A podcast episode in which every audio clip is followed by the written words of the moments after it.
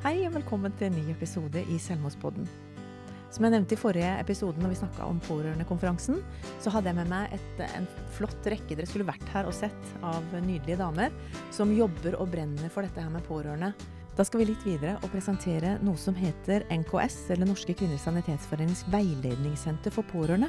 Det fins masse forskjellige tilbud. Og jeg har vært så heldig å vært med på sånn mestringskurs hos dere. Og det var veldig, veldig bra. Da ble jeg jo litt kjent med, med Anette. Så kan ikke du fortelle litt om det arbeidet som dere driver for pårørende? Jo, det kan jeg veldig gjerne. Vi er et landsdekkende tilbud. Veiledningssenter, som du nevnte, for pårørende til rus og psykisk helse. Og vi holder til i alle helseregioner i Norge. Og her i eh, Kristiansand så er vi et tilbud til hele Agder. Så vi har eh, hovedkontor her i Kristiansand, men vi er også et tilbud til, til alle kommuner i Agder.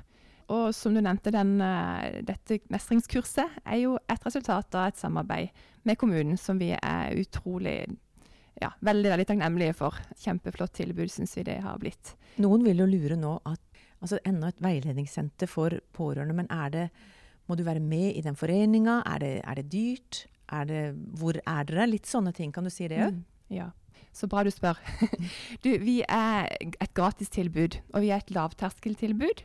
Så det kreves ingen henvisning å ta kontakt med oss. Så her eh, i vårt senter så kan man bare ta en telefon eller sende en mail. Det skal være enkelt å ta kontakt. Har dere eh, åpent hver dag, eller er det noen spesielle dager? Du, vi, har, eh, vi jobber reduserte stillinger, vi, men vi er samtidig fleksible. Men i, i, hovedsak så er det tre dager i uka som vi er tilgjengelige. Da lurer jeg på om det er sånn drop-in, eller om man ringer og avtaler en tid. Ja, du vet du hva, vi, da må man avtale, mm. ta kontakt, og så avtaler man et tidspunkt for en samtale. Mm. Og det er alle og, slags pårørende, eller er det du snakker om rus og psykisk helse? Så det er liksom ikke hvis du har hvis du har fått kreft eller ved andre ting, så er det andre organisasjoner som, som er bedre å ta mm. kontakt med. Mm. Men i forhold til, er er det aldersgrense? Nei. Vet du hva, Vi er et tilbud til alle aldre.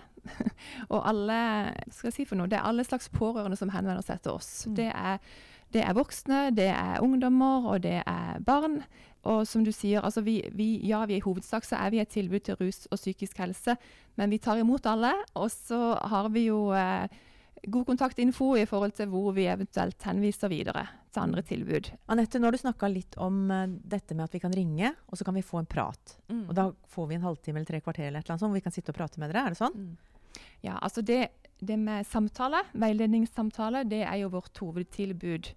Eh, og den, det er viktig for oss. Vi setter av god tid. Og da har vi samtaler både med enkeltpersoner, vi har par som kommer til oss, vi har familier som kommer til oss. Og det er pårørende i alle aldre. Og da har jeg lyst til å bare si det også, at det er viktig for oss at vi setter av god tid. Eh, for vi vet at det å oppsøke hjelp, det å ta kontakt, det er ikke nødvendigvis lett. Så det å da på en måte bli møtt med at, eh, at man ikke må rushe, at, eh, at, vi har god tid og, og eh, en kan komme som man er, og så, og så tar, en, tar, en, det der. Mm. og har tid til det. Så det er hovedtilbudet vårt. Og så har vi jo også grupper. Mestringsgrupper som også er et tilbud, hvor en kan møte andre pårørende. Og det får vi tilbakemeldinger på at er utrolig fint og veldig godt, det å treffe andre i samme situasjon. For tenk, og Der skjer det noe. Det ser vi i møte med andre som, som kan forstå det man står i, eh, og gjenkjenne ikke sant? og bli bekrefta mm. eh, på hva, hva, det innebærer å være pårørende. Mm. Jeg må bare bryte inn der at Jeg har intervjua mange nå. Jeg vet ikke om det er snart 90 personer. Men veldig mange som forteller sin egen historie, sier at så møtte jeg den ene personen som virkelig mm. forsto hvordan jeg hadde det. Mm. Så det du sier om Du kaller det mestringsgrupper, det er jo forskjellige navn på dette her. Mm. Men det er en type selvhjelpsgruppe hvor dere kanskje er med også og styrer det. Litt som på samme linje med den sorggruppa og, og det som Nina har snakka om tidligere. Mm. Ja, Men det, hvordan kan man bli med i en sånn gruppe? Nei, de, disse gruppene pleier vi å markedsføre, og så er det påmelding via mail. Så det er noe vi legger ut på våre Facebook-sider. Eh, Facebook hva heter de Facebook-sidene, sånn at folk kan finne de? Ja, Vår Facebook-side heter NKS Veiledningssenter for pårørende. Distrikt Sørøst-Norge heter det nå. Vet du, nå har Vi faktisk vi har bistått sammen med vårt senter i, på Østlandet, ja. så den har fått et nytt navn. Så nå heter den... Jeg skal, jeg skal, legge en link under, sånn at det blir ja, kanskje litt lettere. Jeg tror du skal gjøre det, for ja. dette, det, det, er et langt navn å, å, få med seg og huske. Mm. Ja, Så det er helt supert. Og så har vi jo i tillegg, altså vi, vi, er opptatt av å sette pårørende på dagsorden. Altså det med tematikken pårørende. Og derfor så har vi også, vi inviterer til, eh, til noen fagdager av og til. Vi har eh, en konferanse årlig som heter Du og jeg og rusen. Og det har jo også vært i samarbeid med Kristiansand kommune. Og så er det disse mestringskursene da, som vi også har sammen med kommunen og Atrop, ettervernssenter. Jeg har lyst til å spørre både mm. deg egentlig og Mette. Mm. Hvorfor holder du på med dette her?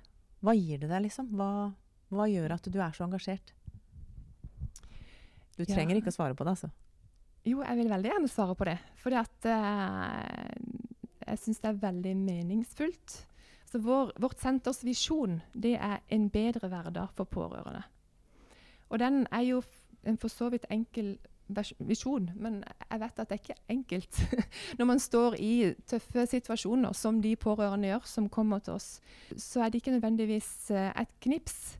Eh, men det vi ser, at med små grep, det å, det å bli møtt, det å bli sett, det å kunne snakke med noen, det å få litt kunnskap om det man står i, hva det vil si å være pårørende, med små skritt, så er det utrolig meningsfullt å se at mange gir en tilbakemelding på at nå kjenner jeg at det, nå går det litt bedre.